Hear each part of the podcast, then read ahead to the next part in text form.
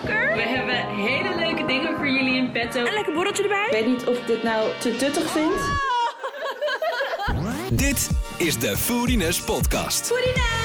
De podcast voor vrouwen. Over de relatie tussen gezonde voeding en intens geluk.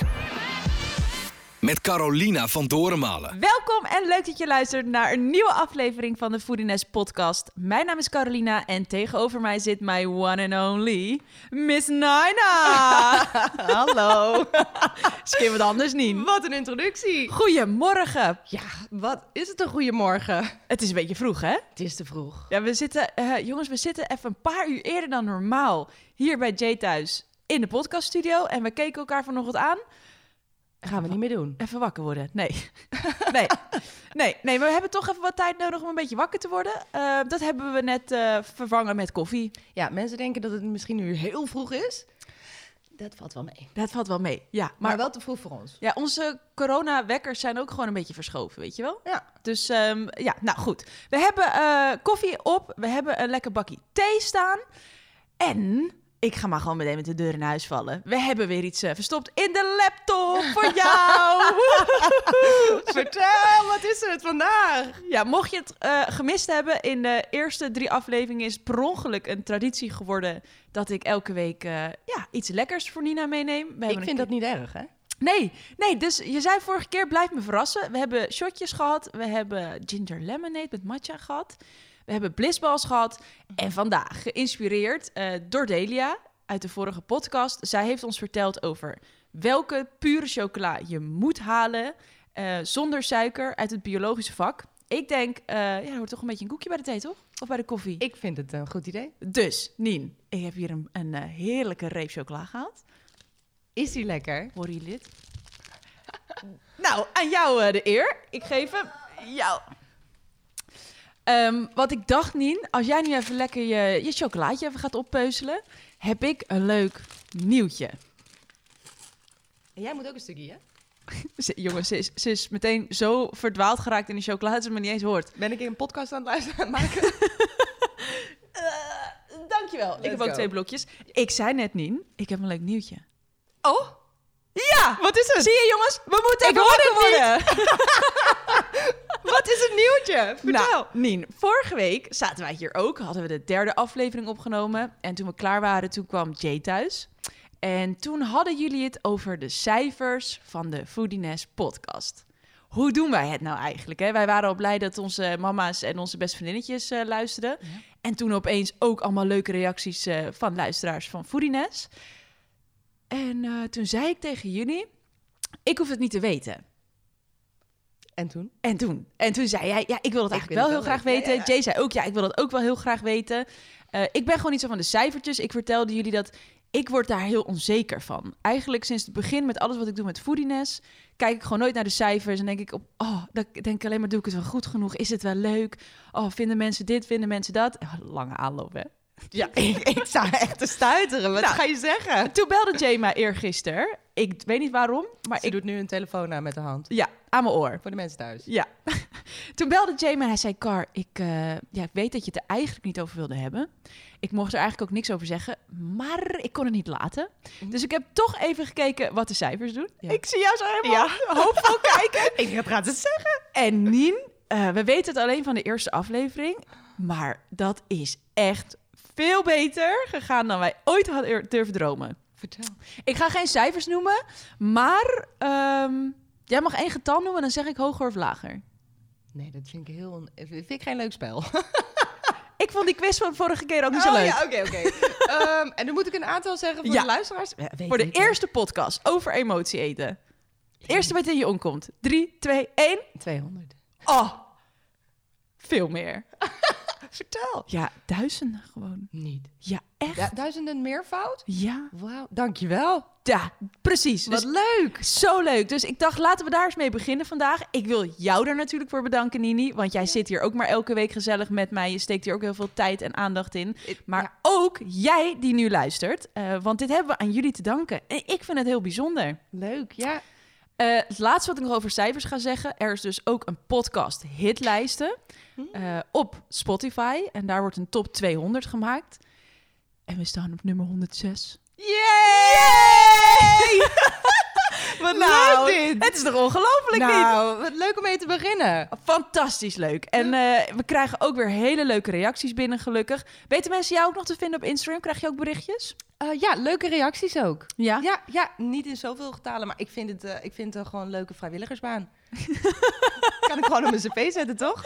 Dat denk ik ook. Dat kan je zeker op je, op je cv zetten. Ehm, we hebben leuke reacties gehad dat mensen... Ik kreeg gisteren bijvoorbeeld een berichtje dat iemand zei... vanaf nu ga ik elke woensdag ga ik hardlopen... want dan staat er een nieuwe podcast online. Ehm, en mensen vinden gewoon helemaal hun dingetjes, momentjes om het te luisteren. Dus tijdens het Ja. autorijden, eh, huizen worden echt goed gepoetst met onze podcast. Leuk. Ja, dus dat gaat hartstikke goed. Wat ik ook leuk vind om te vermelden, dat viel me namelijk op deze week, is dat ik zelf ook, ja, heel gek wat ik nu ga zeggen, maar een beetje geïnspireerd of gemotiveerd raak door wat wij hier aan het doen zijn. Dat snap ik. Heb jij dat ook? Ja, ik moet zeggen, ik heb, ehm, eh, als je de vorige podcast geluisterd hebt, dan eh, snappen jullie waar ik het over heb.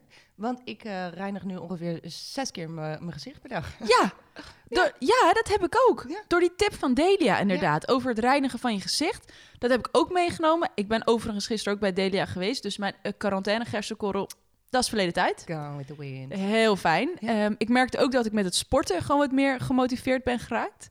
eh, door de tips van Hanna. Dus ja. En dat gaan we vandaag denk ik ook wel eruit halen. Want vandaag hebben we een fantastisch nieuw thema uit mijn boek Het Geluksdieet. Het is een ultiem vrouwenthema. Een thema waar we allemaal mee te maken hebben. De een misschien wat meer dan de ander. En een thema waar massaal op gestemd is via Instagram. En dat is cyclus en hormonen. We gaan ook eh, vandaag weer een aantal stellingen eh, met jullie doornemen. We hebben een hele hoop vragen binnengekregen. En die gaan we beantwoorden met een expert. Want we hebben ook vandaag weer een leuke gast te gast. Gast te gast. Eh, ja, dus we duiken lekker in dit thema. De afgelopen drie afleveringen hebben we het voornamelijk gehad over geestelijke gezondheid en fysieke gezondheid. En vandaag kijken we dus naar een optimale hormoongezondheid. Toen ik zelf anderhalf jaar geleden stopte met de pil, toen werd ik me eigenlijk pas echt bewust van mijn eigen cyclus. Want door eh, de pil te gebruiken werd mijn natuurlijke hormoonspiegel vervlakt. Nou, en tijdens mijn periode van het ontpillen, daar gaan we het straks natuurlijk ook wat meer over hebben, heb ik eigenlijk alle stemmingswisselingen, menstruatieklachten en pieken en dalen heel bewust meegemaakt. En ik niet alleen, de mensen om mij heen ook. Het, zijn, het is er niet ontgaan. En toen ben ik me eigenlijk meer gaan verdiepen in de rol van gezonde voeding. Want gelukkig kan je met de juiste voeding de invloed van hormoonhuishouding zo beïnvloeden dat je er juist van kunt profiteren. Nou, voordat we met de expert van deze podcast gaan bespreken ehm, wat je dan precies kan doen en we ons gaan verdiepen in ondersteunende voedingsstoffen, het vinden van een manier van eten om je energie gedurende je cyclus op peil te houden, een betere stofwisseling te krijgen en die vervelende maandelijkse hormoonklachten aan te pakken. Nien, wat vertelt de Google zoekmachine ons deze week over dit thema? Ik heb hem even opgedeeld eh, in cyclus en hormonen. Een eh, cyclus eh, of een kringloop is zichzelf herhalend proces of een afzonderlijke periode in een proces. Ehm, en hormonen zijn signaalstoffen die door endocrine klieren via de bloedbaan aan doelcellen of organen, zoals eierstokken, zaadballen, bijnieren of een schildklier, wordt afgegeven. En het woord eh, hormonen komt eigenlijk eh, uit het Griekse Griekenland. Ehm, en dat betekent in beweging zetten. En zo klinkt het eigenlijk nog helemaal niet zo vervelend. Nee, dat klinkt helemaal niet naar. Maar er, er wordt elke maand een zootje in beweging gezet bij mij. Dat is, is niet heel, heel, heel gezellig hoor. Ja. Ik heb wel eens leukere dingen in beweging gezet. en ehm, wat zeg jij erover? Nou, ik heb ook deze week weer mijn boek erbij gepakt. Ehm, en wat ik daarin schreef, is het volgende. Is het waar dat je gedrag en humeur... Hu, hè, de, eh, de- koffie van Carolina, iemand? er is hier niemand, sorry. Ehm, is het waar dat je gedrag en humeur beïnvloed wordt door je menstruatiecyclus? Jazeker. Door hormonen oestrogeen, dit zorgt voor een emotioneel evenwicht, optimisme en meer energie. Testosteron, hierdoor krijg je meer zin in intimiteit. En progesteron zorgt voor een gevoel van rust en ontspanning, spelen hier allemaal een belangrijke rol in. Het vrouwelijke lichaam doorloopt elke maand vier seizoenen. En dit vond ik wel even leuk om eh, te delen. Ik heb dit eerder ook wel eens eh, aan jou verteld. Ja, vond ik heel interessant. Ja, en, en we kunnen er ook wat leukere naams aan geven. Dus het vrouwelijke cyclus kunnen we natuurlijk opknippen in vier weken. Eh, en de eerste week na je menstruatieweek, die noemen we de lente. Gedurende de lente van je cyclus neemt je oestrogeen toe. We hebben meer energie, zijn creatiever en staan open voor nieuwe dingen. De week daarna noemen we de zomer. Nou ja, je snapt het al, het wordt steeds gezelliger. Dit is de ovulatiefase en je oestrogeen bereikt een hoogtepunt. Je energieniveau is to the max, je bent communicatief supervaardig en je voelt je top. Daarna wordt het, eh, wordt het iets minder. Eh, dan komt de week van de herfst. En tijdens de herfst voel je je aan het begin nog positief, energiek en sterk. Maar ga je in de loop van de week merken dat je kalmer wordt en dat je je terug gaat trekken. Nou, en de laatste week, die noemen we de winter. Menstruatie is here, knocking on your door. Je zegt of het heel leuk is. het is het niet. Eh, je oestrogeen is laag in deze week en je ervaart symptomen die bij jouw ongesteldheid horen. Eh, zelf krijg ik dan bijvoorbeeld enorme behoefte aan zoetigheid en chocolade. Nou is natuurlijk zo dat iedere vrouw anders reageert op hormoonschommelingen. En deze vier seizoenen zijn een soort gemiddelde. Eh, er zijn natuurlijk meer factoren die invloed hebben op jouw cyclus. Maar dit is ongeveer waar wij elke maand doorheen gaan. Niet. Last van hebben. Ja, maar we ervaren het natuurlijk allemaal anders. Want ehm, de een zit wel aan de anticonceptie en de ander niet. Hoe is jouw situatie? Op dit moment? Ehm, nou ja, los van het feit in welk seizoen je zit, wil ik wel graag weten. Wat, wat, ge- ja, jij gebruikt natuurlijk eh, wel een anticonceptie. Ja. Ja, dat doe ik wel. Ik eh, ben overigens van de herfst naar de winter aan het gaan, dus I'm coming for you. Ehm, daarnaast gebruik ik ehm, eh, de spiraal. En ehm, dat doe ik eh, al, denk ik, bijna, nou, dat zou ik zeggen, zeven jaar. Ja, En heb je hem één keer verwisseld? Eén keer tijd? verwisseld. Ja, dit was geen, geen kattenpis, jongens. Bij sommige mensen gaat dit echt super soepel en voel je er helemaal niks van. Ehm, een, ja, een, een, kleine, ehm, een klein verhaaltje. Ik was eh, met mijn moeder en eh, om hem te zetten. En mijn moeder kan er dus niet tegen als ik pijn heb. En toen ehm, zaten we daar bij de gynaecoloog. En eh, op een gegeven moment pakken ze de, de spiraal ehm, en gaan ze die zetten. Nou ja, ik hoef niet in details te treden hoe ze dat doen. Nee. En op het moment dat, dat ik pijn heb, gaat mijn moeder gewoon van de stok. Dus oh god, ja, alle assistentes eh sprongen op je moeder. sprongen op mijn moeder. En daardoor voelde ik het niet. Dus de af, afleidingsmanoeuvre was was top. daar. Ja, Ja. die was daar. Maar eh, ja, het, het, ja, het, is, eh, ehm, het doet pijn. Ben je wel blij met een hormoonspiraal? Ehm, ja, de eerste vijf jaar waren top. Ehm, toen, de laatste tijd merk ik... Want toen had ik echt nergens last van. Ook de seizoenen niet. Ik had gewoon één ehm, constante... ehm, Ja, ja, hormoonspiegel emotie. eigenlijk. Ja. was gewoon in balans. En de laatste tijd, want die hormonen die eh, verwisselen natuurlijk ook over de jaren. En eh, nu met deze nieuwe spiraal doorloop ik alle seizoenen en ehm, ervaar ik dat veel anders. En heb je hiervoor ook wel eens iets anders geprobeerd? Want heel Ja. veel meiden beginnen bijvoorbeeld standaard met de pil. Ja, ja, klopt. Ik ben ook met de pil begonnen. Ik denk toen ik 14 was. En ehm, ehm, ja, bij mij werkte dat gewoon niet. Eh, ik heb er denk ik drie, drie geprobeerd. De een was te sterk, de ander was te slap. Ehm, ik, ik was gewoon drie weken ongesteld en één niet. En dat is waar je dat dan ook aan merkt dat hij niet werkt. Ja, klopt. Ja.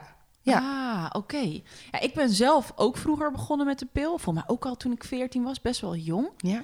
Ehm, ik denk dat dat op een gegeven moment bespreekbaar werd toen je voor het eerst natuurlijk ongesteld werd. En mij is dat eigenlijk hartstikke goed bevallen altijd. Dat ding deed wel gewoon zijn werk. Ik had voor mij gewoon zo'n standaard, vroeger heet die nog steeds microgenon 30, gewoon dat ding. Dat denk ik. Ehm, en eh, ja, die deed het eigenlijk wel hartstikke goed. Maar inmiddels, ik zei het net al even, ehm, ben ik gestopt met de pil. Ja. En niet zo omdat, zoals de meeste vriendinnen om ons heen, eh, een kinderwens hebben. Maar omdat dat ding me zo tegen begon te staan in. Ik weet niet, het was gewoon een gevoel. Dan ben je dagelijks zo bezig met jezelf gezond voeden en goed te sporten en een gezonde lifestyle te hanteren. En ik dacht, dan ben ik gewoon elke keer die hormonen aan het slikken, weet je wel? Dat begon me tegen te staan. En ik was ook wel heel nieuwsgierig van, wie ben ik nou eigenlijk? Wat doet het normaal? Wie ben, ja, Ja. wie ben ik eigenlijk zonder al die hormonen? Ja. Ben ik dan een ander mens of niet? Ik, ja, je hoorde om je heen op een gegeven moment toch dat meer mensen begonnen te stoppen. En dat iedereen wel het gevoel had dat ze veel meer intense emoties ervaren. Ja. Zijn dat high highs of low lows? Dus ik was er wel nieuwsgierig naar. Ehm, maar ja, je gebruikt de pil natuurlijk ook voor eh, wat plezier in bed Ja. met je partner. Ja. Ik had toen al heel lang eh, een vriendje. En eh, ja, ik vond het dan toch ook een ding om daar zomaar mee te stoppen. Want dat heeft ook op ons beide effect. Effect, ja, zeker. Ja, dus toen die relatie het stopte en over was, toen dacht ik, nou, that's my cue. Je moet, je mag. Ja, ik ga dit, ik ga dit nu doen. Had ik achteraf misschien niet meteen kunnen doen, want ehm, in liefdesverdriet zitten, Zonder En- pil. je hele hormoonhuishouding overhoop zien gaan, dat is niet eh, heel prettig. Nee, dat was geen goede combinatie. Nee. Dus ik heb daar best wel eh, een hoop hormoonklachten van gehad. Wat, heb jij, wat, wat zijn jouw menstruatieklachten of hormoonklachten? Ehm, ja, de, de maandelijkse schop in de buik, eh, zeg maar. Eh, rugpijn, hoofdpijn tot aan migraine heb ik, eh, heb ik best wel last van. En Ja. heb je dat dan de dagen voor je ongesteld wordt? Of in die week? Of beide? Nou, soms ben ik er helemaal niet mee bezig en dan, dan heb ik dat dus opeens. denk ik, hé, waar komt dit nou vandaan? En Ja. hoe kan dit nou? Ja, en dan begint het alweer te, te branden, zeg maar. Ja. En ehm, ehm, ja, dan weet ik het. Dan is het de periode van de maand. En dat is toch wat ze dus noemen PMS, toch? Eh, ja. ja, volgens mij wel. De, de klachten die je ervaart voorafgaand aan het menstruatiefeestje. Ja, feestje. Feestje, ja. Ja, ik heb zelf ehm, eh, helaas ook een hele hoop eh, klachten. En die had ik niet toen ik aan de pil zat. Dat is een mega groot verschil. Toen ik aan de pil zat, toen was het gewoon altijd dat je ja, opeens naar de wc ging en dacht je... hey, oh, het, het, is het is al zover. zover. Al Ja. Ehm, en ik had daar, nou ja, fysiek, mentaal dacht ik niet, heel erg iets last van. Ehm, en nu is dat heel anders. Ja, je vertelt me wel eens verhalen. Ja, wij Oh. hebben het hier gewoon over. Ik word gewoon van de ene dag, andere dag wakker en denk ik... Oh, mijn hemel. Ja. De hele wereld is tegen mij. Alles valt uit mijn handen. Kan ik beter op de grond gaan zitten dan dat ik überhaupt nog sta die dag. Ja, Eh, ja, je ziet het gewoon al een beetje... Ik ben gewoon prikkelbaar. ja. Je ziet het gewoon een beetje somber in het leven. Ja, het is gewoon allemaal... eh, oh, zo zwaar. Oh, ja, ja, we hebben het eerder verteld bij Voice Memo elkaar de hele dag. En eh, ja, dat, dat deel ik. Dan. Het is goed om te bespreken, denk ik. Ja, Ja, ik heb Jay ook eens even gevraagd of hij hier iets van meekrijgt. ja. Ehm, dus ik belde hem vanochtend uit de auto. Ik zei, Jay, we gaan eh, vandaag podcast opnemen over eh, hormonen en cyclus. Eén vraag. Merk jij het als ik ongesteld moet worden of als ik het ben? Ja. Oké. Oké, ik zeg vraag 2. Waar merk je dat aan? En toen zei hij, vond ik iets wat beleefd. Hij zei, ja, je zit er gewoon bovenop. En toen dacht ik, eh, wacht even, dit kan twee kanten op. Wat, Dit, wat je nou fysiek of eh, wat, wat ga je nou En zeggen? zei nee, je meneer bent, Bosker? gewoon, eh, je bent gewoon eh, pittig, ben je. Ja. Pittig. Ja, dat, ik snap wat hij zegt, want eh, wij noemen het ook wel fierce. Ja, Ja, dan ben je echt fierce. ja, ja dat, dat gevoel. eh, Ja. weet je, eh, ja, ik weet niet, misschien een beetje kort lontje of zo. Ehm, overigens ehm, heb ik ook nog wel een leuk verhaaltje over... eh, ik denk Jay's eerste schrikervaring met mij in volle winter. Ehm, want wij wonen niet samen. Dus ehm, eh, ja, dan zie je elkaar dus ook niet 24-7. En ik moet zeggen, ik heb dus zo'n app. En die hou ik bij. Want die vertelt me dan een paar dagen van tevoren van... Hey Car, you, het is bijna zover. En dan hou ik daar soms toch een beetje rekening mee, weet je wel. Dan denk Ja. ik, ja, ik, ik weet niet. Ik hoef niet helemaal kreupel bij hem te zitten of zo. Dat doe ik dan wel gewoon thuis. Maar toen gingen wij afgelopen januari eh, voor het eerst samen op, eh, op echt grote vakantie. We gingen een eh, maandje naar Bali. En ehm, ja, Nien, alles kwam tegelijk in die eerste 48 uur dat ik op Bali was. Dus je moet je voorstellen, je gaat er naartoe, je hebt het alle twee hartstikke druk gehad, heel veel zin in vakantie, weet je wel, dat die eerste dagen ben je altijd een beetje aan het ontladen en een beetje, ja, je, Jetlag. eh, ja, Ja. dat ook nog. ja, hallo. Hallo, andere kant van de wereld, jetlag. Eh, fijn dat het zo mooi weer was, eh, natuurlijk. Maar het was daar echt veel warmer dan, Ja. dan normaal voor de Je tijd van het jaar. ja, je moet ook acclimatiseren. Ja, dus het was echt na 35 graden. We hadden een villa trouwens. We kwamen er op een gegeven moment achter dat er dus per ongeluk een gat in de badkamer zat naar buiten. Nou, een zootje muggen, niet te doen. Ja, het was gewoon, we, hadden, we moesten gewoon even onze draai vinden. En nak nak, dag twee, mijn menstruatie was daar. En ik, ik hij kwam echt zo hard binnen die, die keer. Ik was niets meer waard. Gewoon dat ik niet eens meer rechtop kon lopen. Ik eh, liggen deed zeer, ik alles, hoofdpijn, die buik, nou, het was echt. eh, ik dacht, oh jee, ja, ik kan dit niet verbloemen. Ehm, maar deze man moet nog een maand met mij, hè? Die zal wel denken. Wat, wat, is, dit, is dit hoe het gaat zijn? Dit, dit is niet heel, heel gezellig. Ik heb hem toen ehm, vriendelijk gevraagd om daar naar de apotheek te gaan. Want eh, ik had niet, niet voldoende bij om, eh, om hier doorheen te komen. En eh, hij ging daar naartoe. Op de scooter. En ehm, hij kwam terug met een zootje goede spullen in.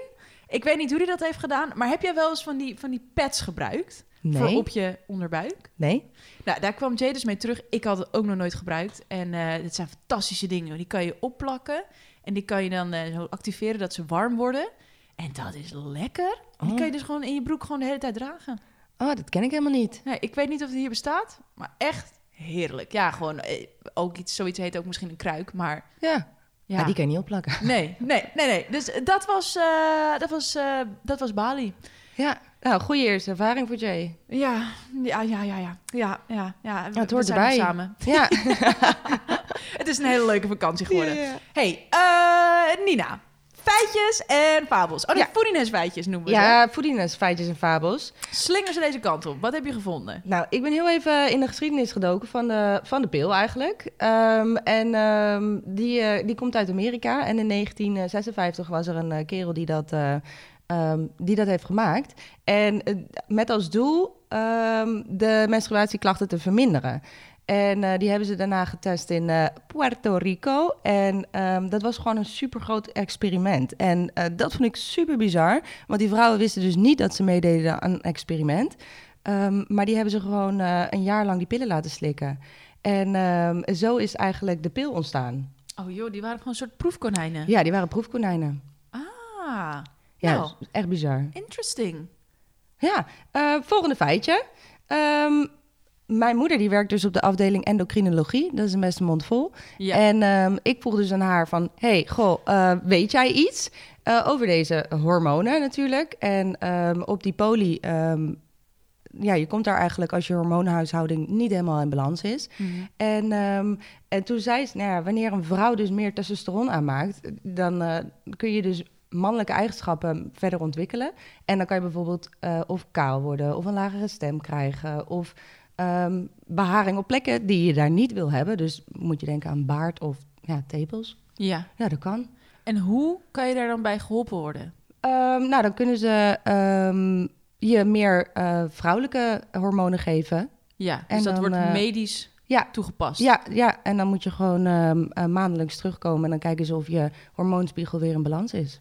Dit is wel fantastisch dat dat bestaat. Ja, Maar je moet daar ook maar dan achter komen dat je daar dan hè, misschien naartoe moet. Of dat je ergens last van hebt. Of ja, weet je wel?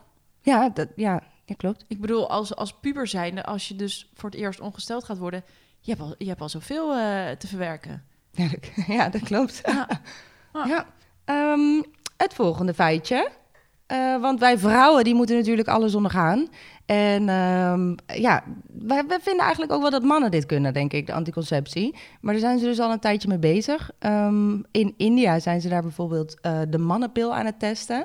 Eh, dat doen ze al jaren. En dan, ja, een heel technisch stukje, dan spuiten ze dus iets in de zaadleiders van de man... die ze dus later ook weer kunnen ontvriezen of zo. Ja. En ehm, eh, ja, dan zouden dus de mannen ook een anticonceptie kunnen gebruiken. Ze denken dus dat de industrie daar niet voor is. Zou- Ik denk van wel. Ik denk ook van wel. Ja, Ja. ja ik heb dat ook rondgevraagd hè, bij eh, eh, vrienden om me heen, mannelijke vrienden. Wat zeiden ze? Ja, ik vond dit dus interessant. Ik zei, zouden jullie daar zelf aan willen? Ja. Want ja, hè, waarom moeten de vrouwen daar allemaal voor opdraaien? Ehm, en de meeste zeiden ze dus dat ze dat wel wilden. Ja, Ik, ja, ik kan me daar ook wel iets bij voorstellen. Als, zeker als je echt gewoon in een liefdesrelatie zit, dan, dan doe je dat toch wel met elkaar, voor elkaar. ja, Dan kan je die, die, die last toch best wel een beetje delen. ja.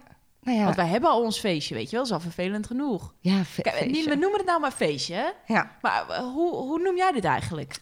Ehm, ja, een maandelijks feest vind ik... eh, rode, rode Zee heb, heb ik ook wel eens gehoord. Ja, ik zeg altijd eh, rode feestdagen wel. Ja, Of ik stuur eh, de- naar Jay eh, red flags emojis. Dan weet hij ook wel hoe laat het is. ja ehm, Maar jij hebt even opgezocht Ja, ja, ja. wat nog meer eh, ja, synoniemen zijn. Ja, andere synoniemen hiervoor zijn... Ja, ik vond dit echt om te gieren. Eh, Ja, Vind ik niet heel veel leuker. Nee, aan de rooien zijn. Bloody Sunday, bloedlip, feestweek. Ja, nee, vloed op de rode zee. Ja, ik eh, vind dit echt verschrikkelijk. Ja, het is niet heel fancy, hè? Nee, helemaal niet zelfs. Nee, ik ben wel benieuwd. Als jij nou luistert, eh, hoe noem jij het? Wat vertel jij tegen je vriendin of tegen je partner? Ja. Als, het, als het de week daar is. Winter. De tijd van de maand? Ik heb geen idee. Ik ben Ja. heel benieuwd. Ja, laat het ons even weten. Dat Ja. vind ik wel leuk om te horen. Ja. Ehm, de stellingen, Nien. We hebben er weer eh, een paar opgesteld. Die gaan we samen bespreken. En de eerste stelling luidt... Wanneer winter is coming, laat ik me volledig gaan en eet ik alles. Mm, ja. Ja, we hebben het hier al eventjes over gehad in de eerste podcast, emotie eten. Ja. En ehm, maar vooral wel in deze tijd van de maand laat ik mezelf wel even gaan. Ik heb het een soort van verdiend, misschien. Maar heb jij dan... ehm, waar komen die cravings vandaan, zeg maar? Wat zit er achter het gevoel? Heb je dan het idee dat je meer honger hebt... of meer trek in slecht eten? Ja. Of dat laatste? Ja, trek in suiker. Ja, ja, ja. Ja. en dan gewoon chocola. Of ja, ik ben wel meer van het hartig, maar ook dat wil ik dan. ja, ja, Ja, ja. echt Ja. waar. Mag. Want wat mij heel erg opvalt nu bij mijzelf, is dat ik nu niet meer aan de pil zit. Ehm, dat ik voor het eerst ervaar wat je in die slechte comedy ziet. Weet je Oh. wel, dan, dat was toch altijd, daar schetsen ze altijd zo'n beeld van een vrouw die met een bak ijs en een lepel Ja. op de bank zit, Ja. tranen over de wangen en, Ja, en helemaal eh, daarin springt. En dat heb ik nooit echt begrepen waar dat vandaan kwam, maar nu heb ik dat dus ook. Dus het is het. zo gek, maar ik heb zo'n gevoel van... Oh, alles is al zo zwaar en zielig. En oh, dit is echt... Ja. Ik heb dit gewoon verdiend in mijn leven. mag het even. En Ja, ik mag dit Ja. gewoon grenzeloos doen en daar vol van genieten. Ah, ah, ah, dat. Ja. Dan denk ik, Kar, doe even niet zo zielig. Stel je niet zo aan. ja, maar je, mag het, je kan het maar beter accepteren dat het er is. Want het is er. Ja. Ja, en dan kan je maar beter eh, accepteren en misschien eventjes van genieten dat je wel dat ijs mag eten. Ja, nee, zeker. Ik, ik verzet me er ook vrij weinig tegen. Want ik heb dus helemaal het gevoel van... Ah, ah dit mag. Dit, dit, Ja. dit is helemaal... Ja, dat is my cue. Ehm, en wat ik dan daarna heb in de week van de lente... is dat ik me heel bewust ben van de emoties of de gevoelens die denken... Oeh, ik, ik kom terug. Ja. Weet je wel? Eh, dus dan merk ik dat ik heel veel zin weer heb om te gaan sporten en het op te pakken. En dan merk ik echt dat ik creatiever ben Ja. ehm, en sneller aan de slag ga met dingen. Dus ergens trekt het ook altijd wel weer bij. Maar ehm, ik, ik, ja, ik voel me niet per se top. Want los van het feit dat, je, dat ik me zo overgeef aan de cravings, voel ik me ook echt een tientonner. Ja, erg hè? Ja, helemaal opgeblazen. Ja. Ja, En dat is gewoon echt, hè? Ik heb Ja. meerdere malen tegen Jay gezegd... "K- je moet even komen kijken naar dit. ja. Nou, helemaal kwispelend. denk ik, yo, wat gaan we doen? Dit is niet leuk. Kijk even Ja. naar deze buik. Hè. Ik laat hem gewoon... Ik doe niet eens iets. Inhouden, niet uithouden. Het werkt niet eens. Nee. Zo hard. Ongelooflijk. Het is echt verschrikkelijk. Maar je komt dus ook gewoon... ehm, ik, mijn weegschaal zegt... Ja, jij staat niet op de weegschaal, maar ik wel. Ja. Mijn weegschaal zegt gewoon plus één of twee hoor. Als ik gewoon ongesteld ben. Ja, want is dat dan vocht? Want je houdt meer vocht vast. Heb jij niet... niet ehm, ik voel gewoon aan mijn handen en voeten...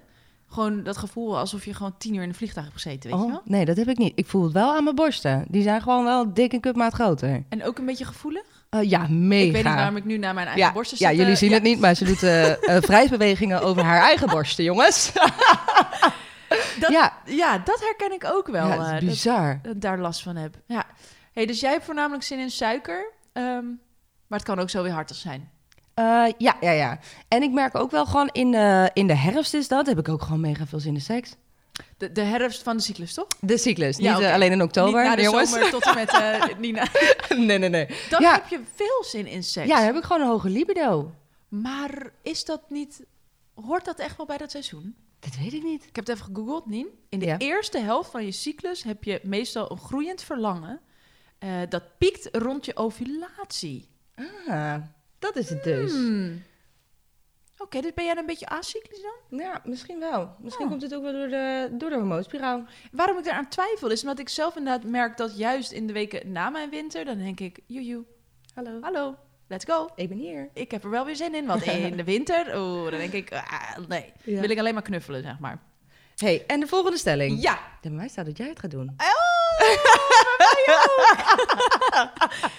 Die ochtendpodcast, hè? We doen het nooit meer. Ehm, tweede stelling. Ik voel me wel eens schuldig voor mijn moedswing en uitspattingen, maar geef mijn cyclus volledig de schuld wanneer er iemand wat van zegt. Ja. Ja, ik ook hoor. Ja, ik, dit is echt heel herkenbaar. Ik heb soms wel echt een moment van... ehm, ehm, eh, ik, ik, ik trek je kop eraf, bijna. Ja. Als iemand wat doet, Oeh. ehm, ja, ja, zo erg is het. Dan denk ik echt, dan ben ik gewoon super prikkelbaar. Maar achteraf denk ik, oh, dat kwam dus daardoor. Of ja, dan zeg ik dat wel. Ja. ja, ik moet zeggen dat ik dat ook doe, ehm, maar niet als in eh, het, het praat alles goed. Nee. Maar ik kan wel eh, gewoon binnenkomen en dan zeggen van... Nou, jongens, ik zit er helemaal middenin. Het is helemaal mijn cyclus, dus ik heb even mijn dag niet, maar het komt allemaal goed, weet je wel? ja, Want ik weet wel dat het niet echt zo is of zo. Ik verlies mezelf niet in, Nee, in die week van hormonen of zo. nee. Nee, maar ik benoem het zeker ook wel. Ja, het is toch helemaal niet erg. En dat vind ik wel grappig, want de volgende stelling is dus... in Nederland mag er meer rekening worden gehouden... met de hormonale problemen welke vrouwen ondervinden.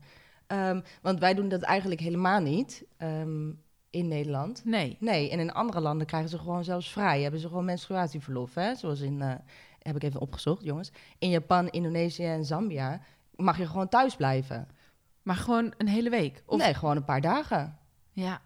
ja, wat vind ik hiervan? Ik vind wel dat er ehm, wat meer rekening mee gehouden zou moeten mogen worden of zo. Maar al in de zin van laten we dit wat serieuzer nemen. Ja, bespreekbaar maken. Ja, want ik heb het gevoel dat, dat elke vrouw gaat hier doorheen. Maar dat, dat moet je eigenlijk niet hardop zeggen. Of daar kan je niet echt wat op zeggen. Terwijl soms, wat ik je vertelde over dat verhaal Bali... ik had er niet aan moeten denken dat ik ergens had moeten staan voor werk. Helemaal in mijn nopjes. Dat had gewoon fysiek niet mogelijk geweest, gewoon weet niet je wel? gekund. Nee, nee Dus- precies. In die zin zou ik het wel fijn vinden als dit wat, ja, wat serieuzer genomen zou moeten worden. Ehm, ik weet niet, misschien iets met eh, een paar jokers die je mag inzetten Ja. of zo. Maar ook vroeger hè, op, eh, op school, eh, dat je ongesteld werd voor de eerste en je moet dan gimmen of zo. Ik vond dat allemaal soms best wel een beetje spannend. En dat durfde Mhm. ik dan niet tegen de leraar te zeggen. Maar denk ik, fijn als daar wel een soort deurtje open Ja. had geweest of zo. Weet ja, je? ik weet wel dat sommige, ehm, sommige meisjes in mijn klas... die bleven gewoon echt thuis. En toen dacht ik echt, oh, mag dat? Ja, mijn moeder was altijd zo, je gaat gewoon naar school. En Ja. eh, die gaf nog net geen schop onder de hol. Maar ehm, ik dacht echt, oh ja, dat kan dus ook. Mensen kunnen dit gewoon echt, echt als naar ervaren. Maar vertelden ze dan ook waarom ze niet op school waren? Of Ja, aan jou? Of, of aan, de docent. Ja, Ja. ja, precies. Ja, ik snap het wel. Het is, het is, je moet het echt niet onderschatten. Je kan er gewoon echt helemaal, helemaal stuk van zijn. eh. Ja, helemaal naar van worden. Ja, hey, maar wat kunnen we hier nou aan doen? Ik denk dat we even lekker die kant op moeten gaan. Want er is ook een hoop wat we, ja, wat we misschien kunnen verminderen, positief kunnen verbeteren. Wat we met voeding kunnen doen. En eh, daarvoor gaan we even onze gast inbellen. Nou, de gast van deze week is al vijf jaar werkzaam als personal trainer en voedingscoach. En heeft zichzelf de afgelopen anderhalf jaar verdiept in vrouwelijke energie en de menstruatiecyclus. Ze is nu gecertificeerd health- en hormooncoach en bracht een PMS-guide, e-book en online cursus uit. Zij zegt dat hoe dichter je bij je vrouwelijke essentie komt, hoe meer je naar je menstruele cyclus kunt leven. Ehm, wij hebben een hele hoop vragen ontvangen, dus ik ben heel blij dat ze er is. Aan de lijn, lieve Jip. Hallo. Yay! Hallo, goedemorgen. Wat fijn dat je er bent. Eh, heel leuk dat je hier wat tijd vrij voor wilde maken. Ehm, Ja, heel le- leuk dat jullie me willen ontvangen. ja, te gek. En leuk dat we elkaar ook weer spreken, hè, Jip. Want eigenlijk kennen we elkaar Ja. al heel lang. Ja, stiekem wel. Stiekem wel. Ja, dat is een beetje back in the days. In, in, uit de tijd van, wat is het nog? Een beetje fit girl dingen. Ik weet niet wat, wat, wat, wat, we daar ooit deden. Maar daar zijn we volgens mij ooit een beetje begonnen. En hebben elkaar leren kennen op eventjes. Ja, precies. Maar te gek eh, om te zien dat jij je nu helemaal eh, deze kant op hebt ontwikkeld. Ehm, wij hebben dus op Instagram eh, zo'n polletje online gezet dat mensen vragen in konden sturen. En er zijn een hele hoop vragen binnengekomen over dit onderwerp. En wat ik leuk ja, vond aan jou te vertellen. Ja, had je er wel verwacht? Ja, ik krijg zelf ook heel veel vragen erover. En dat is eigenlijk ook de reden waarom ik anderhalf jaar geleden begonnen ben me zo te interesseren in dit onderwerp. Maar was dat vanwege de vraag of ook omdat je daar zelf zo ehm, misschien tegenaan liep of mee worstelde of aan het zoeken was? Um, ik was er zelf wel heel erg mee aan het zoeken. Ik had vroeger altijd hele erg um, zware menstruaties, PMS. Ik werd echt ziek als ik ongesteld moest worden. Mhm. En eigenlijk toen ik stopte met de pil, na die tien jaar geslikt te hebben, toen uh, merkte ik wat voor effect het stoppen met me had. En daardoor raakte ik eigenlijk wel geïnteresseerd. En ja, zo, net als jij, ik deel bijna alles op mijn social media. Dus ik kreeg zo bizar veel reacties over het feit dat ik daar openlijk over deelde. Dat ik eigenlijk sindsdien uh, ja, me geïnteresseerd erin ben geraakt. En ja, het leuk vond om dingen op te zoeken erover. Hey, en um, leven naar je cyclus. Hoe doe je dat, Jip? Hoe doe je dat? Ja, dat is een uh, hele goede vraag. -hmm. uh, het is voor iedereen uh, wel persoonlijk en anders. Maar in principe bestaat eigenlijk je menstruatiecyclus uit vier fasen. Ja. Waarvan de menstruatiefase, de pre-ovulatiefase, ovulatiefase en de premenstruatiefase. Dat zijn eigenlijk de makkelijke namen ervoor. Oh ja, nou, ik, en... ik noem ze gewoon winter, winter herfst, uh, zomer, lente. ja, nog makkelijker. Ja. Um, maar in principe heeft elke fase um, ja, eigenlijk ja, zijn eigen behoeftes. Dus je lichaam heeft in de menstruatie, in menstruatiefase wat andere behoeftes dan het bijvoorbeeld heeft wanneer je ovuleert. En dat zowel op trainingsgebied als op voedingsgebied. En als je daar leert, ja, als je daarop leert inspelen en als je um, leert wat jouw lijf, ja, waar die dan behoefte aan heeft in die verschillende fasen, kun je je lichaam zo goed stimuleren om ja, eigenlijk alles te geven wat het nodig heeft. Um, ja, dat je gezondheid erop vooruit kan gaan, maar je ook gewoon echt een stuk lekkerder in je vel kan voelen. En, en als we het dan inderdaad hebben over voeding, je noemde het net zelf al even, hoe kan je je hormoongezondheid verbeteren door middel van voeding? Um, het is een iets gewikkelder inverhaal natuurlijk dan dat ik in 20 minuten zo uh, kan vertellen. Maar in principe zijn er gewoon een aantal voedingsmiddelen die uh, je hormonen uit balans kunnen halen. En er zijn een heel, hele hoop voedingsmiddelen die juist heel erg uh, je lichaam in balans houden. Ja, met het in balans houden, we weten eigenlijk ook wel hoe dat het is met name met veel met vitamines en mineralen te maken die je gewoon allemaal binnen moet krijgen. Um, alleen eten wij in deze maatschappij tegenwoordig gewoon heel veel dingen die ons eigenlijk uit balans halen. En dat zijn met name de vele suikerrijke producten natuurlijk. Uh, maar ook de hoeveelheid aan gluten en koolhydraten die we binnenkrijgen, die we eigenlijk niet in zulke grote hoeveelheden nodig hebben. Je hebt ze wel nodig, maar wij consumeren ze gewoon heel veel. Want we zijn allemaal een beetje opgegroeid met boterhammen voor ontbijt, boterhammen bij de lunch en dan nog aardappels en pasta bij het avondeten. En dan Ja. hebben we het nog niet over de tussendoortjes. Ehm, dus zo zijn er eigenlijk een hele hoop ja, producten die ja, in je voordeel en in je nadeel kunnen werken. Ik ben niet echt een fan van te zeggen dat het echt slechte producten zijn. Want ehm, in principe ben ik niet zo van het labels erop plakken. Maar ik ben wel een voorstander van uitzoeken waar jouw lichaam gewoon heel goed op gaat en waar het niet zo goed op gaat. Ehm, maar een voorbeeld van bijvoorbeeld een, ehm, ja, een, voedingsmiddel waar je, waar je hormonen vaak niet zo heel goed op gaan, zijn bijvoorbeeld lactose of melkproducten. En dat zie je ook heel vaak aan de acne die heel veel mensen erdoor krijgen, omdat het ontstekingsbevorderend kan werken. Mm, ja, en eigenlijk elk soort voeding waar je niet zo goed tegen kan, dat heeft dan weer een, ja, een effect op je darmen. En als het dan een effect op je darmen heeft, kan het weer een effect hebben op eigenlijk je hormoonbalans. Het is een best wel ingewikkeld verhaal en alles eh, Mhm. staat met elkaar in verbinding. Ja. Ehm, maar dat is een, een voorbeeld ervan, ja. Hey, en je noemde het al net even dat je, eh, je hormonen dus uit balans kunnen zijn. Eh, welke Mhm. factoren zorgen er nou voor, voor een disbalans bij vrouwen, naast wat je aan voeding binnenkrijgt?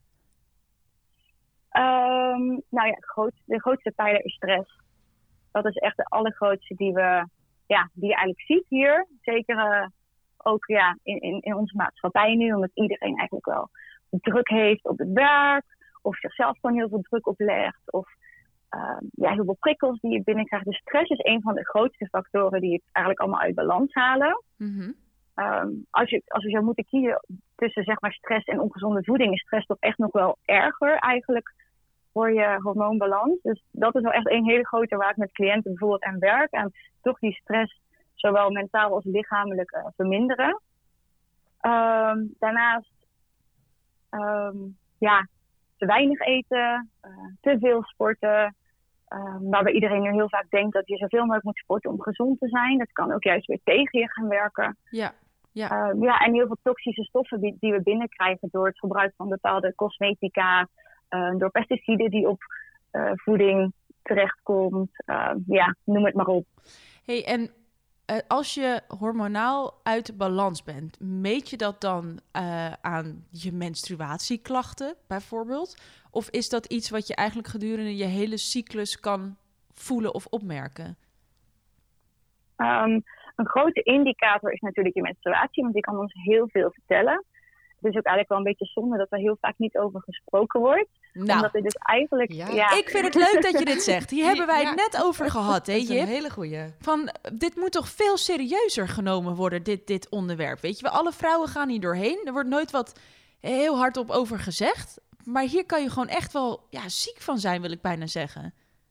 Ja, zeker. Het is echt, er heerst zo'n groot ta- taboe op. En dat is ook wel een reden waarom ik er zo openlijk over praat altijd. En soms neem ik letterlijk stories op dat ik ongesteld moet worden. En dan noem ik al die symptomen op die erbij kunnen horen. En En waar, heb jij zelf, een hele hoop...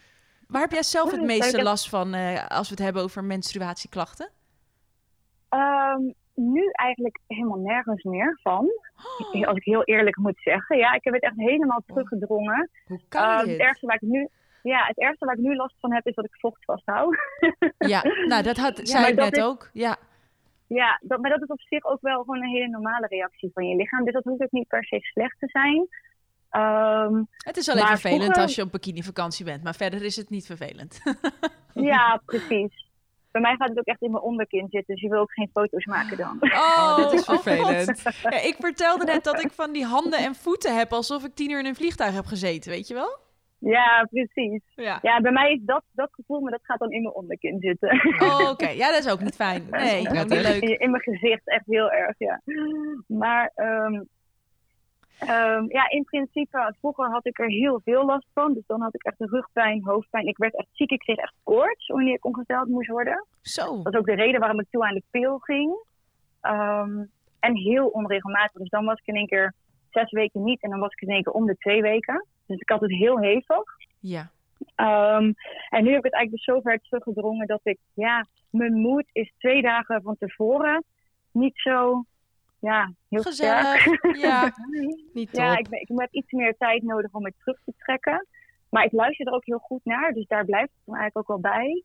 En verder, waar heb ik nog meer last van? Ja, mijn ontlasting verandert. Maar Ja. Dat, ja, dit is ook zo'n onderwerp waar niemand over wil Nee. praten. Maar Is wel Ehm, daaraan waar. kun je heel goed zien, ja, daaraan kun je heel goed zien dat je ongesteld moet worden. Omdat eigenlijk de hormonen progestageen komen vrij. En die komen vrij om je baarmoederslijmvlies eigenlijk ja, ja, weg te duwen, naar buiten te, te werken. Dat klinkt heel, heel smakelijk, maar...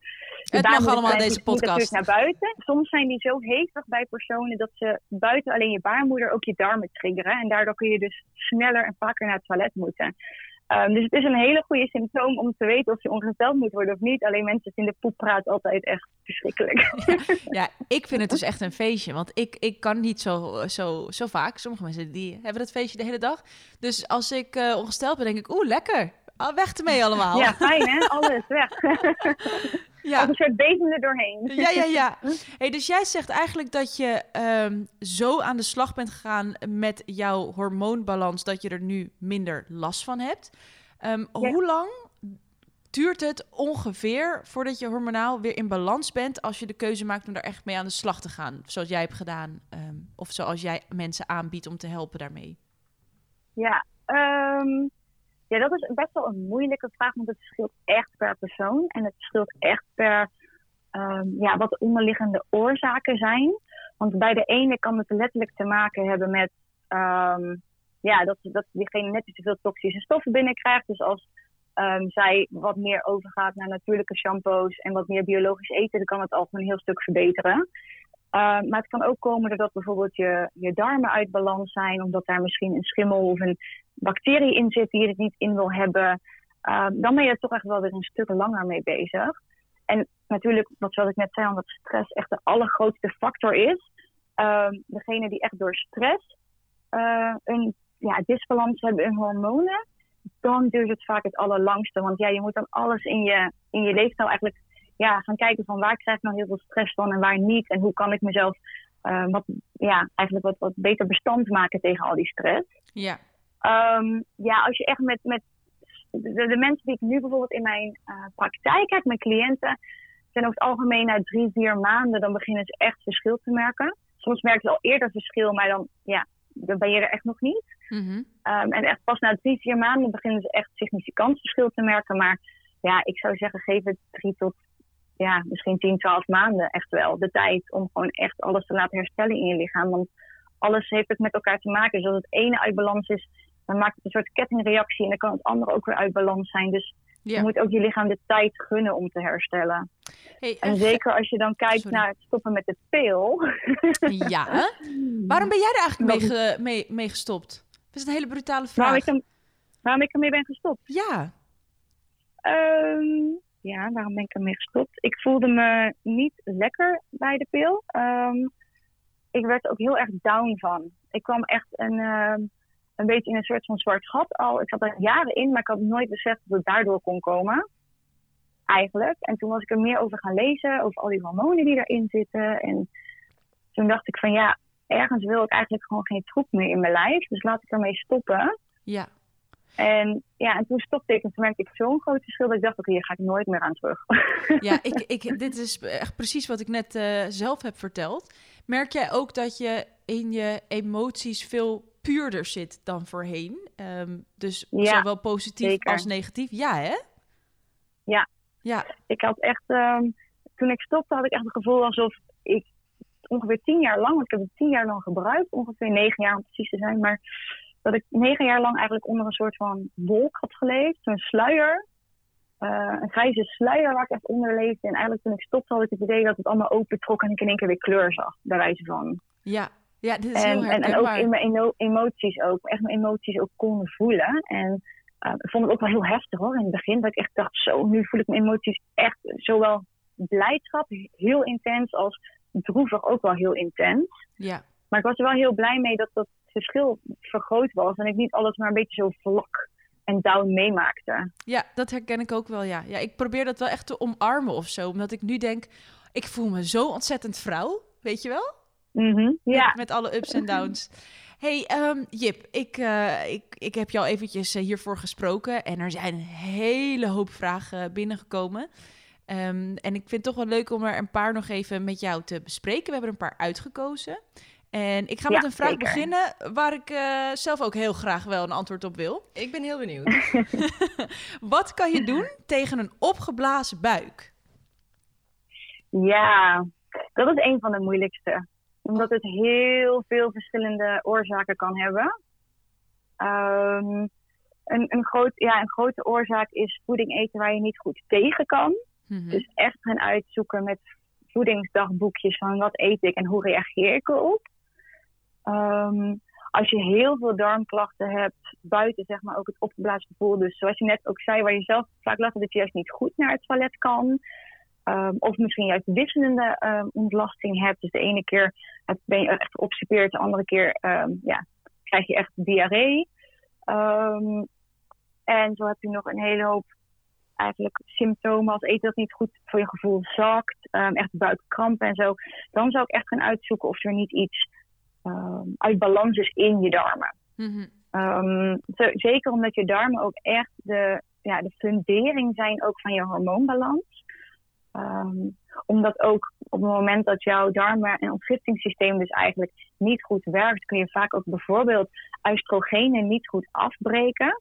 Want je, je hormonen worden in je lever afgebroken en je moet ze ook uitpoepen. Dus als Ja. je niet goed naar het toilet kan, kan het heel goed zijn dat je te veel van een bepaald hormoon in je lichaam houdt. Dat gewoon vrij Ah. rond zweeft eigenlijk. Ja. Ehm, dus, dus daar zouden echt ook klachten als PMS en zo vandaan kunnen komen, omdat op die wijze oestrogeendominantie kan ontstaan. Dus het is voor, voor dat opgeblazen gevoel is het, ja, het is heel moeilijk om zo te zeggen, want bij iedereen is het dus wel een ander iets wat kan spelen. Maar het eerste wat ik zou doen is echt kijken van, oké, zijn er bepaalde voedingsmiddelen waar ik niet goed tegen kan? Of ligt het iets dieper en is mijn darmflora bijvoorbeeld uit balans? Of zit er misschien een schimmel of bacteriën in die er eerst uit moeten voordat alles weer goed kan werken? Ja. En, en Mm, veel water ja. drinken, dat, dat is, eh, is dat verzin ik ter plekke? Of doet dat iets? Dat, dat sowieso, ja. Oké, dus Genoeg echt- water drinken. Ja, Dus wel. echt naar de oorzaak. Hey, echt naar de ehm, oorzaak, ja. Een, eh, een tweede vraag, die is ook meerdere keren binnengekomen. In hoeverre kunnen hormonen, bijvoorbeeld als je aan de pil zit, invloed hebben op afvallen? Ja, dat is een mooie vraag. Die vraag had ik vroeger mezelf ook heel vaak gesteld. Ja, ja, ja. Want ik gaf altijd de pil de schuld dat ik rond mijn vijftiende heel veel aankwam. Ehm, in principe zijn er geen onderzoeken die ehm, ja, eigenlijk bevestigen dat het door de pil komt of kan komen. Ehm, waar het heel vaak door komt, en dat is ook als ik eerlijk naar mezelf ga kijken naar toen, is dat mijn, met name mijn voedingspatroon veranderde door de hormoonschommelingen, door die nieuwe hormonen. Ik ging heel anders eten zonder dat ik het eigenlijk doorhad. Uh, dus dat is iets wat heel vaak speelt. Dat, dat vrouwen toch eigenlijk zonder dat ze het doorhebben heel anders gaan eten. Omdat ze in één keer meer hormonen van iets binnenkrijgen. Of ja, het is toch een ander soort hormoon. Ja, en dat je Ehm, daardoor wellicht zwaarder zou kunnen worden. Zwaarder wordt. Ja. Ja. En daarnaast ehm, kan het wel iets wat van invloed hebben op bijvoorbeeld je verbranding. Ehm, en het vocht. Je gaat vaak meer vocht vasthouden door het gebruik van de pil. Dus het, het kan wel een, een, een kan er wel door komen, maar het is vaak niet de hoofdoorzaak. En als ik dan omdraai, heb jij dan iets gemerkt op het moment dat je stopte met de pil? Want ik bijvoorbeeld helemaal niet. Nee, ik ook niet. Nee, Ik, ik viel niet af toen ik stopte met de pil. nee. Heel veel vrouwen zeggen wel weer dat ze afvallen als ze stoppen met de pil, maar dat kan ook weer zijn omdat ze dan toch weer anders gaan eten. Ja, ja, ik snap het. Ja, omdat je, je, je en het moet... vocht kwijtraakt. Ja, ja, helder. Ehm, hoe, dit vond ik, eh, vond ik wel, wel een leuke vraag. Hier kunnen de luisteraars denk ik ook wel wat mee als ze dit nu horen. Hoe kun je op een makkelijke manier een eerste stap maken tot herstel van je hormonen? Is er iets waarvan jij zegt van, nou, weet je wel, dit is leuk om eens een keertje naar te kijken of over na te denken? Ehm, Ja, zeker. Ik denk ehm, sowieso dat kijken naar hoeveel stress je eigenlijk in je leven en lichaam hebt de grootste is. mhm. Omdat stress dus echt die grootste eh, trigger is voor eigenlijk de disbalans. Ehm, en daarmee bedoel ik ook lichamelijke stress, dus ontsteking in je lichaam, dus ook die darmklachten. Dat is allemaal lichamelijke stress in je lijf. En ehm, het gebruik van medicatie of het veel binnenkrijgen van toxische stoffen, dat zijn wel dingen die ook lichamelijke stress veroorzaken. Dus buiten echt die mentale stress, echt kijken wat zijn dingen waardoor er stress eigenlijk in mijn lichaam of in mijn leven ehm, speelt. Ja, En hoe je dat eigenlijk zou kunnen reduceren, dat is denk ik de allereerste en belangrijkste. En daarnaast, eh, ja, voeding is natuurlijk een hele grote pijler waar je heel veel mee kan doen. En ik denk dat als jij op een simpele manier je hormoonbalans wil verbeteren, dat het slim is om wat meer terug te gaan naar meer een natuurlijke basis van voeding. Dus echt minder die suikers en die kant-en-klaar dingen en die, ja, alles in de fabriek gemaakt wordt. Maar meer terug naar natuurlijke voeding. Wat meer groente, wat meer fruit, eh, natuurlijke granen. ja. Op die wijze. Ik denk dat dat het makkelijkste is om eigenlijk je hormonen al meer in balans te krijgen. Want dat zijn gewoon twee pijlers die gewoon heel Ja. veel invloed hebben. Hey, en heb jij zelf een voorkeur voor hoe je eet? Als in, eet jij drie keer per dag en drie keer klein? Of eet je tussen bepaalde tijden? Of... Ehm, ik zelf doe al drie jaar intermittent fasting. Oh, Wauw, dat is Dus ja, ik eet eigenlijk... Ja, dat is wel heel lang. En dat is eigenlijk... ehm, ja, ik eet rond de 12 uur. Ehm, maar ik ben... Ik was er vroeger heel erg van eh, overtuigd dat dit allemaal problemen zou oplossen. Ehm, dat is niet per se het geval, want er zijn juist ook weer onderzoeken waar ik tegenaan ben gekomen sinds ik eigenlijk anderhalf jaar heel erg bezig ben met dit onderwerp. Ehm, dat, dat juist intermittent fasting ook wel weer je schildklier zou kunnen ehm, vertragen ah, schildklierwerking kan eh, verminderen. En omdat ja, ik zelf ben, als ik kijk naar mijn vrouwelijke hormonen, heel erg in balans. Maar ik heb wel de laatste jaren heel veel stress gehad. Want, ja, ja, jij weet het wel, ik heb bikini fitness en zo gedaan. Dus ik heb heel veel stress op mijn lichaam Ja. gehad. En ik ben daar nog steeds wel van aan het herstellen. En één ding wat bij mij dus niet zo goed werkt, is mijn schildklier. Ehm, hele koude handen en voeten, dat zijn van die klachten daarvan mhm. eh, hele lage ochtendtemperatuur, want ik meet mijn temperatuur aan mijn cyclus te trekken. Dus ik ben nu eigenlijk juist aan het proberen weer wat meer terug te gaan naar een normaal patroon, dus wat eerder te eten. Wacht even, Maar dat zijn ook weer cyclus, vrouwen die cyclus er heel trekken. goed op gaan. Wacht even, wat, wat noemde jij Ja. net? Wat is dat precies? Je meet je temperatuur? Ja, Ja, ehm, ik doe aan cyclus tracking, dus eigenlijk mijn cyclus bijhouden om te kijken ehm, ja, hoe lang die is, eh, om, om te kijken in welke fase ik wanneer zit. ja.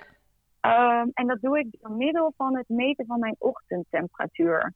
uh, mijn basale lichaamstemperatuur. En dat is echt 's ochtends wanneer je wakker wordt. Als je dan met een thermometer onder je tong je temperatuur meet, dan heb je eigenlijk je basale lichaamstemperatuur. En aan de hand van die temperatuur kun je zien hoe jouw hormonen lopen. Wow. En moet je temperatuur, Ja. is je temperatuur dan hoger of lager in de ochtend? En hoe meet je dit precies? Nou, op het moment dat jij dus net opstaat, of zeg maar echt nog in bed ligt, heb je dus je basale lichaamstemperatuur. Dat is eigenlijk de lichaamstemperatuur in rust. Mhm. Ehm, op het moment dat jij opstaat, al is het maar om naar de wc te gaan, gaat je temperatuur al omhoog. Dus daarom is het echt, als je net wakker wordt, meteen die temperatuur in je mond, of die thermometer in je mond. Ja. Ehm, en eigenlijk is die aan de, ja, in het begin van je cyclus, dus vanaf dag 1 dat je ongesteld bent, ehm, tot aan je ijsprong, is die eigenlijk laag. En op het moment dat jouw ijsprong heeft plaatsgevonden, dan schiet die ongeveer 0,2 graden omhoog. En dan blijft die ook de rest van je cyclus omhoog tot ongeveer twee dagen voor je menstruatie en dan daalt die weer. Dus eigenlijk kun je op die manier meten wanneer je ongeveer ovuleert. Ja. En als je dat een hele lange tijd doet en je houdt nog alle andere symptomen erbij, ehm, alle symptomen die in al die verschillende fases er zijn, dan kun je heel makkelijk op die manier eigenlijk ja, trekken dus Ja. waar je bent in je cyclus. En gebruik je daar dan ook een app voor? Ehm, ik gebruik er nu geen app voor. Ik ben ooit begonnen met een app. Ehm, maar ik heb nu, ik heb ook mijn e-book erover geschreven en ik heb er een werkboek bij gemaakt. En daar heb ik een eigen temperatuurgrafiek in gemaakt. Ja. Ehm, waar je heel mooi, als je die uitprint, je temperatuur in kan ehm, ja, noteren. En eigenlijk met streepjes kan trekken. En dan kun je heel mooi je cyclus zien. En als je dat dan een paar ja, cycli gedaan hebt, kun je ze echt heel mooi naast elkaar leggen. Om te zien van wat zijn de overeenkomsten en waar wijkt het bijvoorbeeld juist af. Dus zo kun je ook heel goed hormonale schommelingen zien. Ja, nou wat interessant dit. Ja. Dit vind Ja, ik wel hè? leuk. eh, eh, food for thought. Hier ga ik eens even, want ik gebruik zelf wel een app, maar dit is misschien wel leuk iets vernieuwend. Hey, je, wij mochten Nou, ik jou... zal mijn ehm, e-book naar je toesturen. Ja! Dit is goed nieuws. Wat leuk. Dat zouden we leuk kun je het vinden. uitproberen, ja. Eh, helemaal leuk, Jip. Vind ik leuk.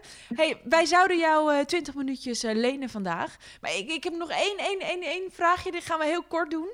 Ehm, want dat Geen ging- probleem. gaat over stemmingswisselingen. Ehm, heb je een, een, tip van hoe kan je daar mee omgaan om dat te verbeteren... zonder dat je zo'n maand alle kanten op schiet?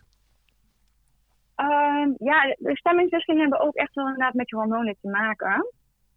Ehm, wat je met name ziet is op het moment dat je progesteron wat aan de lage kant is, dat mensen zich vaak wat meer down voelen voordat de eh, menstruatie plaatsvindt. Dus echt die premenstruatiefase, dus die PMS-fase, de weken van tevoren. Ja. Dan dalen natuurlijk echt al je hormonen. Dus dan daalt je eh oestrogeen en daalt je progesteron. Dat zijn eigenlijk onze hoofdhormonen waar we mee werken. Mhm. En op het moment dat jij oestrogeen dominant bent, en ik heb het al een keer eerder- genoemd, maar oestrogeen dominantie betekent in principe dat je ehm oestrogeen ehm, hoger is ten opzichte van je progesteron. En dan ga je van die hele vervelende PMS-klachten hebben. Ehm, dan ga je, ja, als je oestrogeen dominant bent, ga je bijvoorbeeld ook vet op bepaalde ja, plekken opslaan. Dus eigenlijk op je benen, op je kuiten, soms ook je armen, weet je wel, die, die die je niet wil. Ja, Die weet Ehm, het. als Ja. die, ja. als die twee eigenlijk uit balans zijn, krijg je dus allemaal van dat soort vage klachten. En die progesteron is ook wel echt een beetje voor dat soothing gevoel. Dus voor dat hele fijne, lekkere gevoel. Mhm. Dus ja, ja, als je het echt meer in balans wil krijgen, dan ja, is het toch echt wel een kwestie van proberen je hormoonbalans iets te versterken. Ehm, en als je dan, ja, we hebben het net over het cyclustracking gehad, als je dan ook dat in kaart brengt, dan kun je ook precies zien op welke dagen heb ik nou altijd die vervelende ja. ja. stemmingen eigenlijk en die wisselingen. En waar ik dus ook cyclustracking heel erg voor gebruik en ehm, wat ik mijn cliënten ook echt aanraad, is om dan ook zelf uit te gaan zoeken als je dat zo mooi in kaart hebt van oké, wat is dan ook de beste self-care voor mij op die momenten om me wat beter te voelen. ja. En Voor dat is natuurlijk persoonlijk. Oh ja, wat is ja, dat bij dat jou? is persoonlijk, ja. Ja, want ik, ik zei in het begin volgens mij dat ik twee dagen voor mijn menstruatie altijd een beetje down ben en Ja. een beetje chagrijnig en prikkelbaar. Ehm, mijn beste self-care is echt mezelf wat meer terugtrekken. En mijn vriend weet dat ook, dus die laat me dan ook echt met rust twee dagen lang. Ja. Ja. Omdat ik gewoon iets meer ruimte nodig heb. eh, om, ja, iets meer ruimte moet ik innemen. Iets meer ruimte moet ik voor mezelf nemen. Dus dan ehm, Ja. neem ik een theetje en neem ik een boek en trek ik hem echt terug, terug. En dan ben ik helemaal niet zo van... Normaal ben ik echt van het grapjes maken en eh stoeien met mijn vriend. En dan totaal niet. Nee. En dat heb ik ook echt nodig. En daardoor is mijn stemming echt een stuk beter. Ja, Dus als je echt, ja, ik vind het wel een als je echt goede. leert op welke momenten dat is. Ja, da- en daar gehoor aan geven. Ik houd het zelf Ja. met een app bijvoorbeeld wel bij. En dan probeer ik in mijn agenda een beetje rekening mee te houden... dat ik bepaalde klussen of werkzaamheden niet doe, weet je wel? Waardoor ik mezelf geforceerd in zo'n stemming Nou. iets opleg. En dat is echt leven naar je cyclus. Oh, doet je het cyclus. al. Ja, Dan zijn we helemaal rond. Wauw. helemaal rond. Nou, Ja, in principe is het gewoon je lichaam en je, en je, ehm, en je mind geven wat het op dat moment nodig heeft. ja, Dus buiten echt voeding en bijvoorbeeld training, kan dat ook zijn wat meer selfcare, wat meer Fantastisch. rust nemen en wat minder grote klussen aannemen. Ja, ja. Goeie, goeie laatste tip, Jip. Dank je wel. We hebben er volgens mij alles uitgehaald wat erin zat in deze 20 minuten. Want we wilden jou wel het hemd van het lijf vragen. Ik vond het super is een interessant. onderwerp. Ja, het is, het is zo, ja, maar het is zo interessant, weet je wel. We kunnen daar Ja, misschien wel hè? zoveel meer mee doen dan dat, dat we eigenlijk ons hè, weten of bewust van zijn. Ja, precies. En dat is ook waarom ik zo graag zoveel wil delen. Dus ik vind het alleen maar leuk dat ik hier mocht zijn en weer wat meer kennis naar andere vrouwen mag overbrengen. Nou, Super. jij bedankt. En mochten er vrouwen zijn die nu luisteren en denken... hey, waar kan ik die Jip Isabel nou vinden? Nou, ze heeft natuurlijk ook Instagram, Jip Isabel. En we kunnen jou ook vinden op De Krachtige Vrouw, hè? Ja. Yes. Eh, op Instagram op de krachtige vrouw en mijn website heet ook dekrachtigevrouw.com. Lieve Jip, dank je wel. Ik vond het leuk je weer te spreken. En eh, nou, ja, tot, eens gelijk. tot snel. Doei! Dat vind ik wel interessant, zo'n cyclustrekker. Ik wou zeggen, als jij hem hebt, eh, stuur hem door. Want ik vind dit wel leuk om te proberen. Ja, tuurlijk. Doen we Ja. even kopietjes maken, halen we Ja. wat thermometertjes. En als we dit nou kunnen reduceren naar twee dagen in de maand zo voelen, Inderdaad. dat want zou ik wel top vinden. Nien, ja, want zij zegt gewoon, ja, twee dagen van tevoren voel ik me een beetje down. En ik denk, twee dagen? Ik wil dit ook. Ja, Ja, ik heb hier eh, wel een stuk, ja. Maar het is dus echt aan onszelf te wijten eigenlijk dat we daar gewoon niet voldoende aandacht aan schenken. En ons Ja. gewoon wat meer in moeten verdiepen. Dat moet je jezelf dus gewoon gunnen. ja, ik denk, ja, je hebt er zelf echt zoveel aan. Ja, stukje self-care. Ja, Interesting. En het zou ook wel lekker zijn. ehm, ik, ik heb het al misschien eerder gezegd, maar ik ben ook hartstikke gevoelig met de volle maan. En het Ja. zou wel fijn zijn als we nou dat alle twee een beetje minder kunnen maken. Want het is, eh, het is elke maand wat anders. hey, zullen we nog eh, twee vragen zelf beantwoorden? ja, is goed. We hebben de expert eh, even een mooi podium gegeven voor de echte belangrijke dingen. Maar er zijn ook leuke vragen binnengekomen aan ons met betrekking tot onze ervaring. Ehm, ja, Nien, pak jij eens even die vraag die, die aan jou eh, gesteld is. De- nou ja, de vraag die aan mij gesteld kon worden is: eh, ik overweeg een spiraal te zetten. Merk je daar wat van bij het vrije? Nou, dat vind ik eigenlijk wel een goede vraag, want ehm, daar wordt sowieso niet echt over gesproken natuurlijk. Ehm, ik heb zelf gemerkt dat ehm, de eerste keer dat ik hem zette, dat ik er last van had. Want jongens, het ziet eruit als een ankertje met een ijzerdraadje eraan. Eh, ja, het is heel gekkig en die stoppen ze er dan in en dan haakt hij zich vast aan je baarmoeder. Dat doet geen zeer. Ja, dat doet ontzettend veel pijn. Ja. Maar nu voel je daar gewoon nooit niks van. Nee, nu voel je daar dus niks van. En tijdens het Friday heeft mijn, eh, heeft mijn ex wel eens gezegd van ik voel, ik voel wat. En toen heb ik ze korter laten knippen. Dus dat kan. En nu heb ik er helemaal geen last van. De- hè, maar wist je dat je dat korter kon laten knippen? Of dacht je, ik ga gewoon even de huisarts bellen? Ja. Eh, help, mijn man. eh, Voel draadjes tijdens het Friday. dat is een heel apart programma. nee, ja, dat nou, mevrouw Hoekstra, kom maar langs. ja, en dan knippen we het even bij. Ja, dat is zo gegaan. Nou, fantastisch. Ja, dat kan.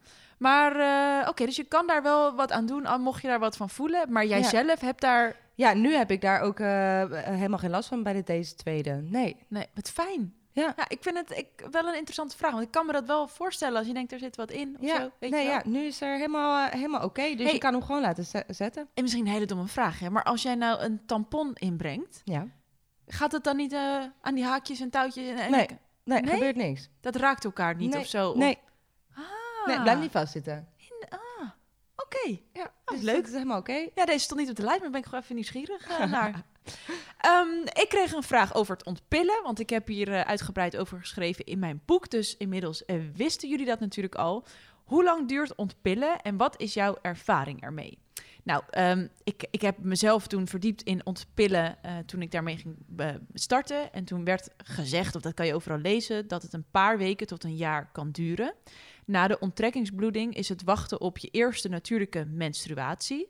En omdat je lijf gewend is aan een vaste dosis hormonen, kan het best even duren voordat je normale menstruatiecyclus weer op gang komt. Nou, dus ik stelde me gewoon in op, dit gaat gewoon een jaar duren. En ik moet zeggen dat mijn cyclus met twee, drie maanden op gang was. Dat was veel sneller dan Dat verwacht. is best snel, ja. Ja, dus ehm, de tip hierbij is wel... ehm, stop aan het einde van je strip. Dus niet ertussenin. Dus maak je stripje af als je van plan bent te stoppen met de pil. En vanaf dat moment kan je dan ook meteen die app gebruiken. Moet ik misschien even zeggen hoe die heet? Ja, je zal ongetwijfeld duizend en één ehm, apps hebben. Maar ik gebruik de app, die heet P.C. Het is een soort boekje met een, met een bloemetje erop. En eh, als ik hem open, dan zie ik dat die zegt... Oeh, nog één dag voor jouw ijsprong. Nou, Oh, nou dan leuk. weet je dat dat gelijk. is leuk. Nou, en als je die dan bijhoudt, dan kan je dan invoeren van... hé, hey, ik ben nu ongesteld geworden. En dan eh, langzaam maar zeker, als je cyclus wat meer regelmatig wordt... eh, nou, dan kan je daar gewoon op vertrouwen. Dus dat duurde bij mij twee, drie maanden. Maar wat ik aan het begin al even vertelde... voordat ik ehm, hormonaal gevoelswise weer op gang was... of er lekker in zat, dat heeft echt wel heel lang geduurd. Ehm, en ik weet niet of dat dus ook te maken had met dat stukje liefdesverdriet. Dat ik sowieso helemaal niet lekker in mijn vel zat en een hoop eh, donkere grijze wolken boven mijn hoofd had hangen. Dus dat vind ik een beetje lastig te zeggen, maar dat heeft echt wel nou, zeker een half jaar geduurd. Ook omdat je moet wennen aan die nieuwe emoties of zo. Ja. En die stemmingswisselingen. En wat gebeurt er nou allemaal met Ja. je? Nien, van mij zijn wij eh, lang aan het tetteren geweest, hè? Ja, ja, ik vond het een, eh, een, een interessant onderwerp. ja, Ja, een interessant onderwerp. We vonden het ook, mogen we best eerlijk zeggen, we vonden het een lastig onderwerp. Ja. Omdat we onszelf niet wilden wegzetten als de experts, maar we Nee. wilden toch ook wel gewoon iets leuks te vertellen en iets informatiefs hebben. ja, ja. Ehm, dus misschien heeft hij wat langer geduurd, maar ik hoop eh, ja, dat jullie het vooral eh, heel leuk en gezellig vonden. En dat je dan even op volgen drukt op Spotify, zodat je er volgende week er gezellig weer bij bent. Nien, ik nodig jou uit. Volgende week hier weer, zelfde Oh, plekje, nou, JJ goed. thuis. Gezellig. Ja? Ik ben er weer.